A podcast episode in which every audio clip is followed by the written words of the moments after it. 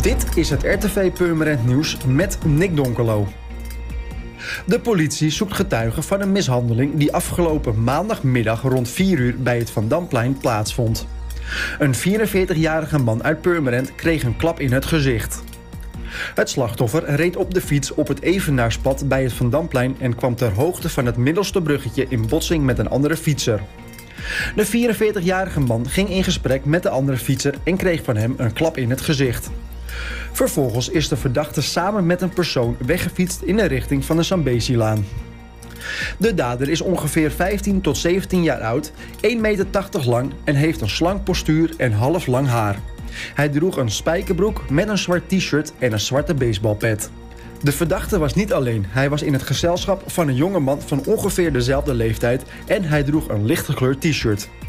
Wie die maandagmiddag iets heeft gezien van het incident of aanrijding, kan contact opnemen met de politie via het telefoonnummer 0900 8844 of anoniem melden. Dat kan ook. Bel dan naar 0800 7000. De 40-jarige Sander W. uit Purmerend is veroordeeld tot TBS met voorwaarden.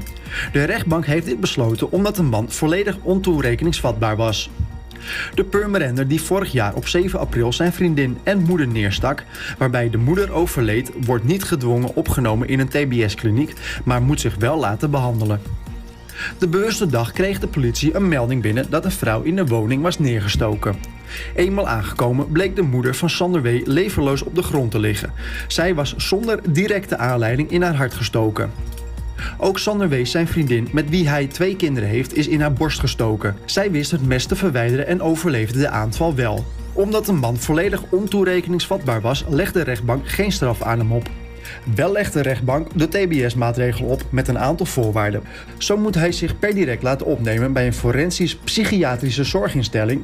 Daarnaast mag Sander W. geen drugs of alcohol meer gebruiken. Voor meer nieuws, kijk of luister natuurlijk naar RTV Purmerend, volg je onze socials of ga je naar onze website, dat is www.rtvpurmerend.nl.